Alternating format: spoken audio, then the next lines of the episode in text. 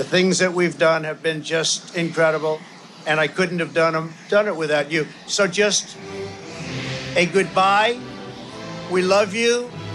We will be back in some form. And I want to thank all of the great people of Washington, D.C., all of the people that we worked with to put this miracle together. So, have a good life. We will see you soon. Thank you. Thank you very much. Thank you very much. De wereld slaakte een zucht van opluchting toen Donald Trump gisteren zonder incidenten de deuren van het Witte Huis achter zich dichttrok. Luttele uren later werd Joe Biden ingezworen als de 46e president van de Verenigde Staten. Het was een vreemde, maar wel heel geladen ceremonie met een opvallend bevlogen speech van de nieuwe president. Hij riep op tot eenheid en is zelf van plan geen dag verloren te laten gaan. Wat mogen we verwachten van Bidens eerste ambtstermijn? Het is donderdag 21 januari. Mijn naam is Alexander Lippenveld en dit is de podcast van de Standaard.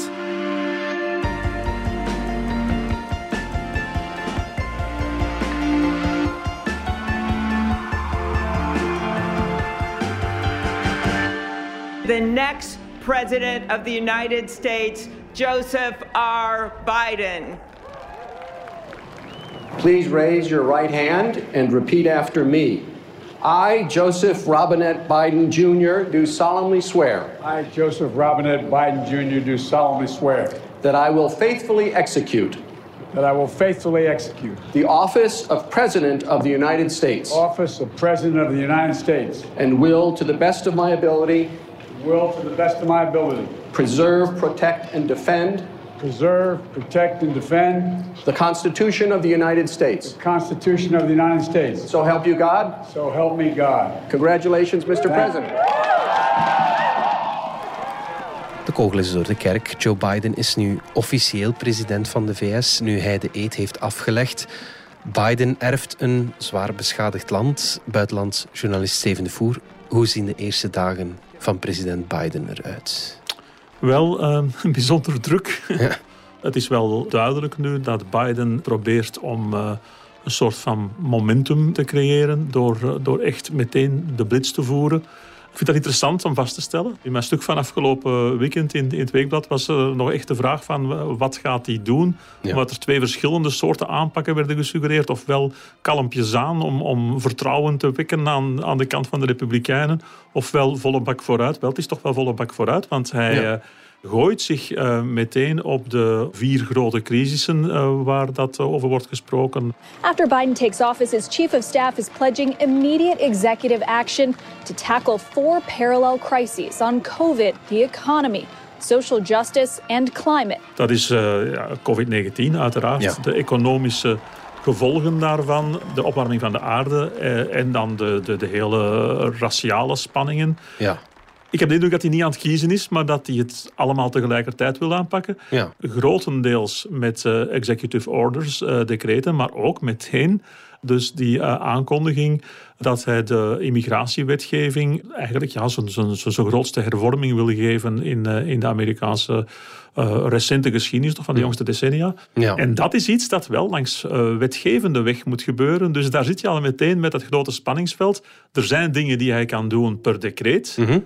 Er zijn er andere dat hij langs wetgevende weg moet gaan doen. En langs dus het die ja, ja. Dat, is, dat, dat, dat, dat, is, dat is spectaculair wat hij voorstelt. Mm. Maar hij gaat er wel op een Ja. of andere manier toch wat medewerking aan republikeinse zijde voor moeten krijgen. Ja. The people, the will of the people has been heard. And the will of the people has been heeded. De voorbije weken was de politieke chaos compleet. We've learned again that democracy is precious. Democracy is fragile. And at this hour, my friends, democracy has prevailed. Is ook een van zijn eerste werven om een beetje de rust terug te brengen de eerste dagen? Dat in ieder geval. Hè. Het, Mhm. uh, het signaal geven van uh, de, de, vier jaren van chaos zijn voorbij. Mhm. Er zit hier terug iemand, uh, ja, normaal zou ik durven zeggen, Ja. in, in de stoel. Dat is de boodschap die hij internationaal ook wil geven. Dat trouwens ook expliciet eigenlijk zo gezegd, van, dat dat belangrijk is. Dat, dat het gezicht van de Verenigde Staten in de wereld, de, de normalisering, dat die meteen duidelijk moet worden gemaakt. Ook bij bondgenoten en tegenstanders. Dus ja, dat in ieder geval. Maar dus tegelijkertijd, ja, het, uh, het, het, het hyperambitieuze van duidelijk te maken eigenlijk. Uh, je moet geen schrik hebben. Al die dingen die zo super prioritair lijken, die zijn allemaal uh, heel erg prioritair. De prioriteit is natuurlijk het bestrijden van het coronavirus. Het land is enorm zwaar getroffen met al 400.000 doden. Daar maakt Joe Biden een blitstart. But you have my word that we will manage the hell out of this operation. Wat zijn zoal de maatregelen die hij zal nemen? Bijvoorbeeld verplicht mondmasker dragen op uh, alle federale terrein en bij reizen over staatsgrenzen. Mm -hmm. Hij kan helaas geen mondmaskers verplichten binnen mm -hmm. staten, uh, omdat dat zijn bevoegdheid dat is. Maar voor zover hij dus kan ja. dat duidelijk maken. Die aankondiging van dat hij binnen de 100 dagen 100 miljoen mensen wil vaccineren. Ja. En ook die economische gevolgen met dat uh, toch wel behoorlijk uh, spectaculaire economisch stimuleringsprogramma van uh, 2000 miljard dollar. die zijn geen bedragen ja. om over te lachen. dus die punten in de allereerste plaats, maar verder ook. Dat gaat van uiteraard de terugkeren in het akkoord van Parijs het terugdraaien van het inreisverbod uit moslimlanden dat uh, Trump had ingevoerd. Een ethisch plan om uh, het uh, echt schandalige gevoefel van lobbyisten in Washington aan banden de, te leggen. Ex-studenten die het terugbetalen van hun peperdure stu studieleningen niet meer aankunnen vanwege corona, die meteen uitstel van betaling geven. Enfin, het is over heel veel terreinen allemaal tegelijkertijd echt de blitz voeren. En zijn dat allemaal quick wins? Of zijn dat eerder dingen die in een lange termijnvisie passen? Wel, het feit dat uh, het grootste deel, dus niet die, uh, die, die immigratiehervorming, maar voor de rest het grootste deel uh, dat hij dat doet via executive order, dus via, de, via decreet, mm -hmm. betekent eigenlijk per definitie dat het quick wins zijn. Het zijn dingen die hij als president mag doen en die door het congres toch op korte termijn niet kunnen worden tegengehouden. Ja. Het is meteen tonen, al wat ik al zelf kan doen, dat doe ik meteen. En het interessante eraan is dat Biden zelf juist vanuit zijn voorzichtige karakter en, en het feit dat hij altijd zo graag de bruggenbouwer is geweest met de Republikeinen, dat hij daar zelf aanvankelijk niet zo achter stond om dat via die executive orders te doen. Het was meer van, ja, laat okay. mij maar doen, ik, ik, ik, maak wel vrienden bij de Republikeinen en zo. Ja. Hij stond onder druk van de democratische fractie in het congres om eigenlijk beslissingen te nemen waar het congres niks mee te maken heeft. Oké, okay, ja, ja. Wat heel paradoxaal lijkt, maar Ja. dat wel duidelijk maakt dat voor de democratische uh, congresleden in de eerste plaats is, ja, het is niet dat wij per se daar onze zeg in moeten hebben, Nee. als het maar gebeurt. Als Dus het maar gebeurt en als het maar zelf onze zin doen. is. Ja, voilà. Ja, ja, ja, ja, tuurlijk. Please welcome Jennifer Lopez to perform This Land is Your Land and America the Beautiful, accompanied by members of the President's Own United States Marine Band.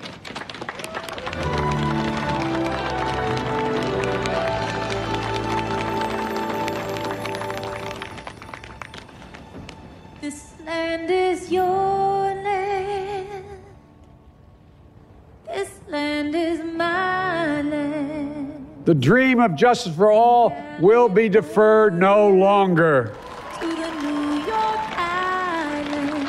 A cry for survival comes from the planet itself. A cry that can't be any more desperate or any more clear. And now, a rise of political extremism, white supremacy, domestic terrorism that we must confront and we will defeat. Een andere prioriteit van Biden is de Black Lives Matter, die protesten tegen dat politiegeweld. Wat plant hij daar tegen te doen? Wel, dat is natuurlijk een heel groot dossier, hè? Uh, omdat uh, het, het houdt zoveel in. Hij heeft in de eerste plaats al wel duidelijk gemaakt van ja, denk nu niet dat dat iets is waar dat één of twee ministers uh, mee gaan bezig zijn. De achterstelling, de systematische achterstelling van zwarten en andere minderheden in de, in de Verenigde Staten is iets dat door de volledige regering moet worden aangepakt. Want dat bijvoorbeeld ook in milieureglementering sterk gaat meespelen, omdat uh, ja, heel veel wijken en gebieden in de VS, Mhm. wat dat betreft, een infrastructurele, structurele achterstand kennen, die, die eigenlijk gewoon schandelijk is. This land was made for you and me. Jennifer Lopez crushing it on inauguration day. Maar uiteraard zal iedereen in de eerste plaats kijken naar, ja, komen er dan nieuwe regels voor de politie? Komen er dan nieuwe regels voor justitie om te voorkomen dat eh, effectief ja, de, de zwarte mensen bijvoorbeeld zo procentueel zoveel meer kans hebben om in de gevangenis te belanden voor gelijkaardige feiten als wat blanken zouden hebben gedaan Ja, en zo. ja. Het is interessant dat Biden eigenlijk altijd, uh, in een vorig leven zelfs uh, als senator een paar keer echt aan de nogal flinke, strenge kant van justitie heeft gestaan. Waardoor dat hij goed ligt bij politievakbonden en zo. Veel beter dan Obama lag. Dus het is eigenlijk nog wat uitkijken welke concrete maatregelen er eerst gaan komen. Maar het is wel al duidelijk dat dat een, een zeer grote prioriteit wordt ook. Hij zal daar trouwens wel toe verplicht worden, want de linkerzijde van, uh, van de Democratische Partij zal daar heel hard op hameren. Ja, misschien nog zijn buitenlandbeleid. We all understand. The world is watching. Watching all of us today. So here's my message to those beyond our borders. America has been tested. And we've come out stronger for it. We will repair our alliances and engage with the world once again. Not to meet yesterday's challenges, but today's and tomorrow's challenges. And we'll lead not merely by the example of our power, but by the power of our example. Biden, ik veronderstel dat hij zich heel anders gaat opstellen tegenover de rest van de wereld dan de isolationistische houding van Donald Trump. Ja, dat is wel duidelijk. Ik bedoel, ja, Biden hoeft eigenlijk bijna niks te doen. Gewoon uh, niet Trump zijn volstaat eigenlijk al om, om een gigantische revolutie in het Amerika-beleid teweeg te brengen. Nu, um, heel concreet gesproken is dat uh, op dit ogenblik nog wat afwachten.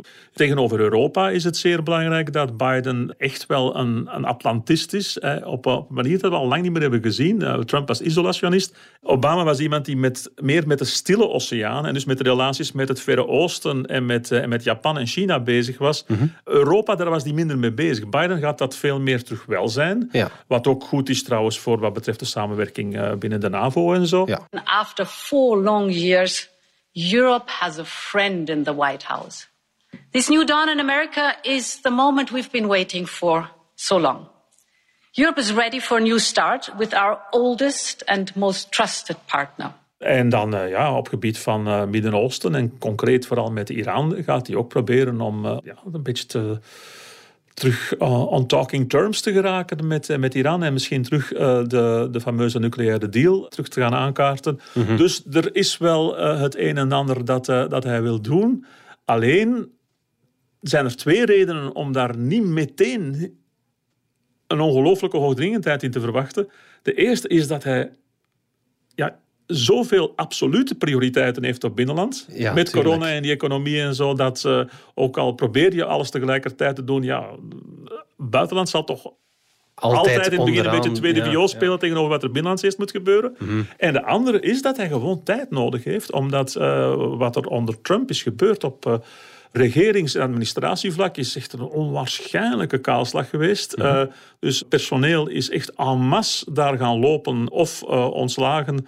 Maar die hele crisis die ervoor zorgt dat vooral op hoge posten uh, gewoon mensen niet benoemd zijn, daar dus lege stoelen zijn, die is algemeen voor alle regeringsniveaus, maar die is voor niks zo erg als op het gebied van buitenland en de internationale diplomatie en zo. Al is dat alleen maar omdat Trump uh, ook wat absolute topposten betreft niet anders dan vriendjes heeft benoemd. Uh, mensen die hem Ja. uh, veel geld hebben gegeven Dan tijdens moet de je dat campagne. eerst op orde stellen. Ja, ja, je, je moet dus terug bekwame mensen met ervaring in internationale diplomatie allemaal gaan terug aantrekken en, en die aan de gang krijgen.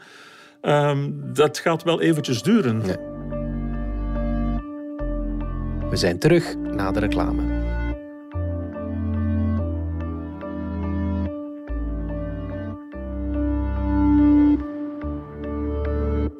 Niets is, alles wordt. Dat hadden de Grieken 2500 jaar geleden al begrepen. En dat is nog altijd zo. Vandaag wellicht meer dan ooit. Maar hoe vind je je weg in een wereld die almaar sneller verandert? Kennis is het beste kompas, weten we bij BNP Paribas Fortis. En kennis hebben we en delen we graag. Dat doen we ook in de podcast Stand van Zaken.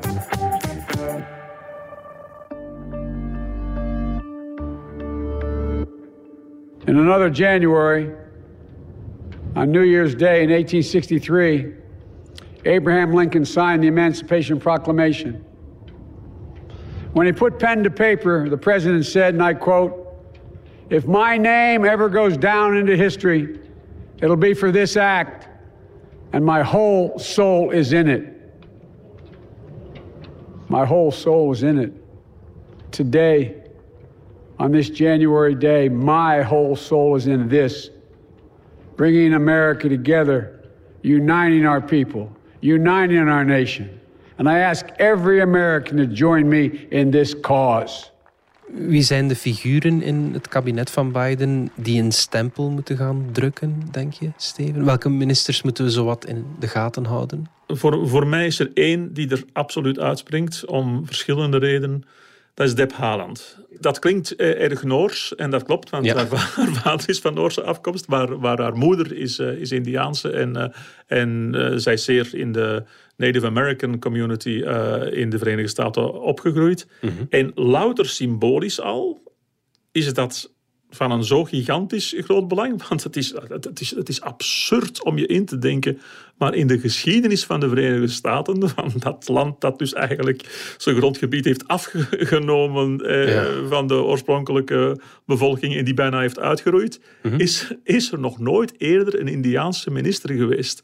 Uh, Dan kan je dit wel een mijlpaal Dat is een mijlpaal. Ja. Uh, trouwens, korte parenthese, maar hij is daar wel erg mee, mee bezig. Hè. Uh, het feit alleen al dat er iemand is die als uh, immigrant naar Amerika is gekomen op zijn vierde, die nu vooral met immigratie zal bezig zijn. Mm -hmm. Het feit dat je bijvoorbeeld ook de eerste transgender onderminister weliswaar uh, hebt. Uh, ik bedoel, een zekere wokeness is er wel in de ja, ja. samenstelling van het kabinet ook gegaan. En dan die populaire Pete Buttigieg, die uh, homo is ja, en wel, ook ja, precies. krijgt. Dus, dus, dus, diversificatie op veel terreinen is er wel bij. Hoewel het wel allemaal zeer bekwame mensen zijn. Deb Haaland ook. Welke functie gaat die uitoefenen? Wel, die wordt minister for the Interior, de Binnenlandse Zaken eigenlijk. Hoewel dat, dat, die onderverdeling iets anders ligt in Amerika. want milieu valt daar ook mee onder. Dat is wel zeer belangrijk, omdat één, zij sowieso als congreslid al erg op die, op die dossiers zat, maar tegelijkertijd ook dat ze uh, Indiaans is, omdat uh, milieudossiers en Native American dossiers in de Verenigde Staten zeer dikwijls gerelateerd zijn. Mm -hmm. Omdat één, Native Americans sowieso het in hun genen hebben om uh, duurzaamheid te, te, te promoten en... Mm -hmm. Ach, ik weet het wel. Uh, bedoel, er zijn mooie Disney-films over gemaakt over één zijn met de natuur en zo. Ik wil er niks te volg van maken. Maar het is wel zo. Ja. Uh, Native Americans zijn daarmee bezig. Uh, en, en twee, ze worden er ook gemakkelijk door geraakt. Ja. Omdat bijvoorbeeld, kijk naar Trump en de manier waarop hij Mordicus die fameuze Keystone Pipeline wilde doordrukken door zeer kwetsbaar gebied uh, waar uh, Lakota-Indianen woonden. En daar zijn het ene proces na het andere over gevoerd. Mm -hmm. Trouwens, ook iets dat Biden meteen afschaft op dag één. Mm -hmm. Het is typisch dat als er geld verdiend kan worden, ook bijvoorbeeld door uh, olie- en gaswinning en uraniumwinning en zo, dat het heel dikwijls dan nog gebeurt op die terreinen uh, waar Native Americans wonen. Dus die combinatie daarvan, het is niet alleen symbolisch, maar ook praktisch een hele goede zet geweest om een Indiaanse op, uh, op milieu te benoemen.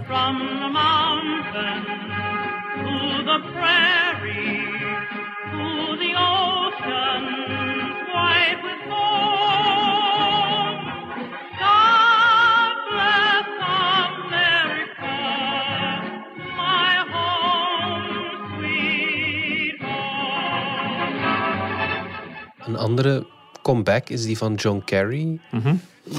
Ja, Wat Kerry wordt geen hem minister, maar wel een soort van speciaal uh, gezant. Ja. Maar dus op gebied van uh, opwarming van de aarde en zo. En dat is, dat is op zich ook al uh, ja, een, een heel duidelijk signaal van hoe, hoezeer het ernst is met die uh, strijd tegen klimaatopwarming. Omdat Kerry, toen hij nog minister van Buitenlandse Zaken van Obama was, Mhm. natuurlijk ja, de, de grote drijvende kracht was achter het klimaatakkoord van Parijs. Ja. Waar uh, Biden trouwens dus ook nu meteen weer, uh, weer instapt. Ik denk dat daar ook wel een beetje meespeelt, zoals met alles aan deze blitzpolitiek, van uh, wees niet bang dat ik u alleen maar dingen heb beloofd om de verkiezingen te winnen. Het, uh, het is mijn menens, ik ben niet suffe Joe, ik ben Joe die, die er echt iets aan gaat proberen te maken. Ja. We'll press forward with speed and urgency, for we have much to do in this winter of peril and significant possibilities. Much to repair, much to restore, much to heal, much to build, and much to gain. De uitdaging is gigantisch groot. Uh, bovendien start Biden in een broeierig klimaat. Populisme viert hoogtij in de VS. Trump is nu weg, maar zijn aanhang en zijn gedachtegoed daarom niet. Wat zijn de valkuilen? De valkuilen ja, zijn talrijk. Uh, in de eerste plaats natuurlijk, dat is het meest spectaculaire, het klimaat van binnenlands terrorisme dat je kunt krijgen nu. Het is heel moeilijk om daar voorspellingen over te doen. Uh, je kunt enerzijds zeggen dat zo'n figuur als Trump op het moment dat hij wegvalt, in de geschiedenis is dat wel vaker gebeurd, dat dan ook wel opeens zijn invloed heel hard wegvalt. Dus dat, dat opzicht is misschien nog wel ruimte voor een beetje optimisme dat het met die erfenis van dat Trumpisme en zo nog wel eens zou kunnen meevallen.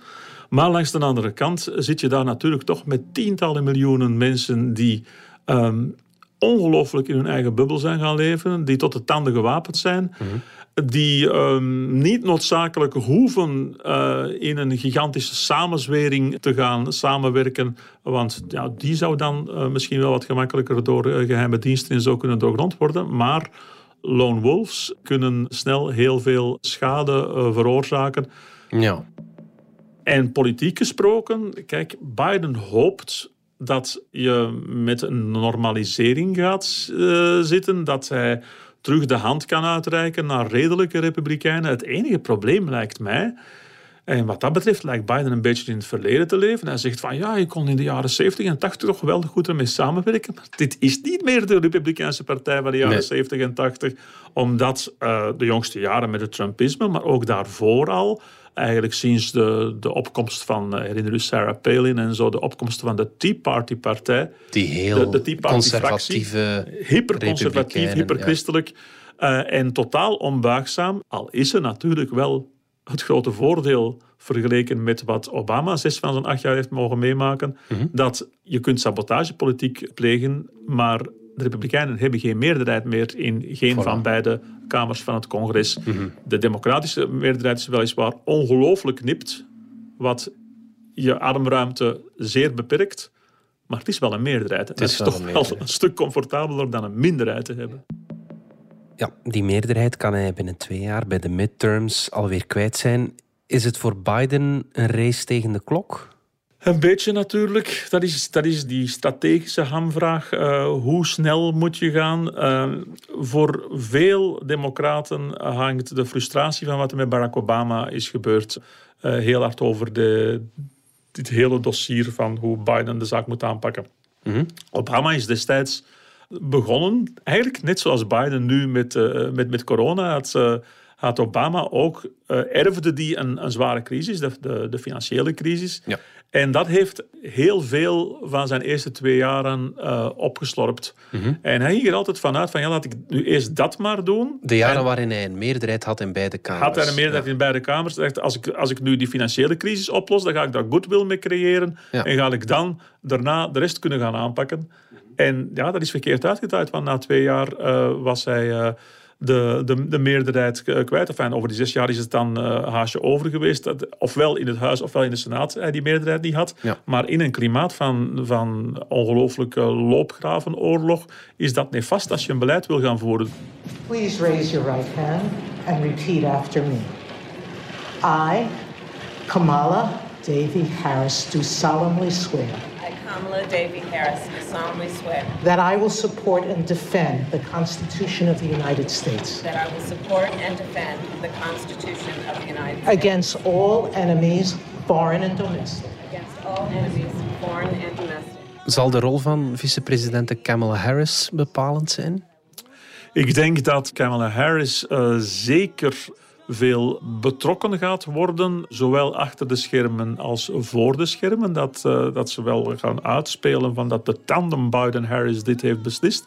En dat lijkt mij eerlijk gezegd ook niet meer dan, dan logisch. That I will well and faithfully discharge. That I will well and faithfully discharge. The duties of the office on which I am about to enter. The duties of the office upon which I am about to enter. So help me God. So help me God. Logisch gezien, gezien de toekomst. Omdat uh, ja, Biden is de oudste president die in de Verenigde Staten ooit is verkozen. En over vier jaar zal hij nog vier jaar ouder zijn. Dan is hij, 82. Ja, ja, precies. Hij heeft zelf ook tijdens de campagne eigenlijk tussen de lijnen door al wel aangegeven van, uh, van ja, maar stem gerust op mij.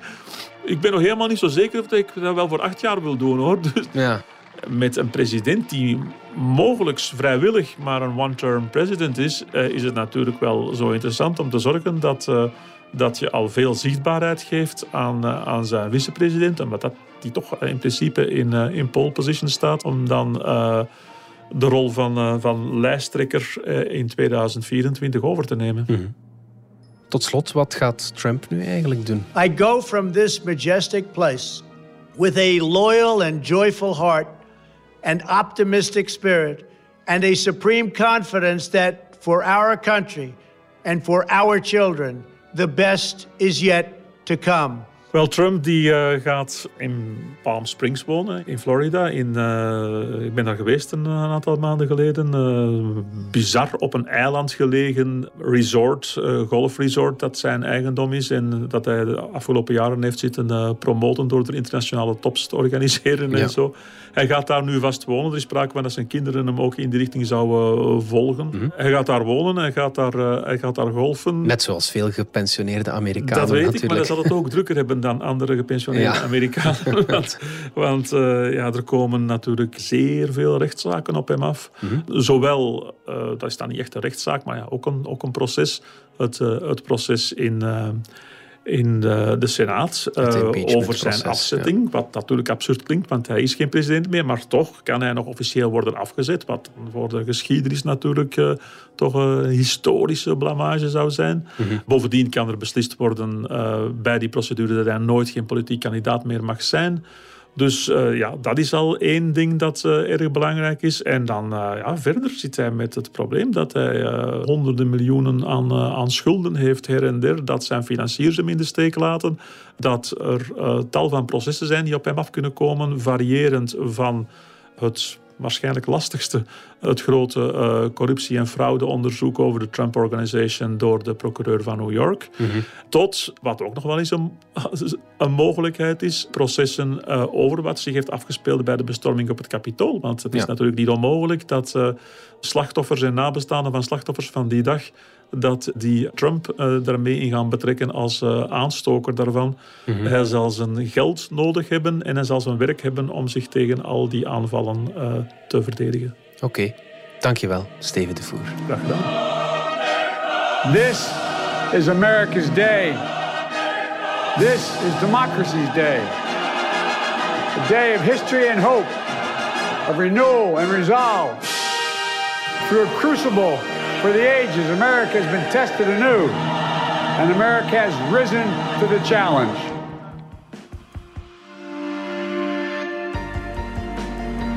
Dit was de podcast van De Standaard. Bedankt voor het luisteren. Reageren kan via podcast.standaard.be. Alle credits vind je op standaard.be-podcast. Morgen zijn we opnieuw.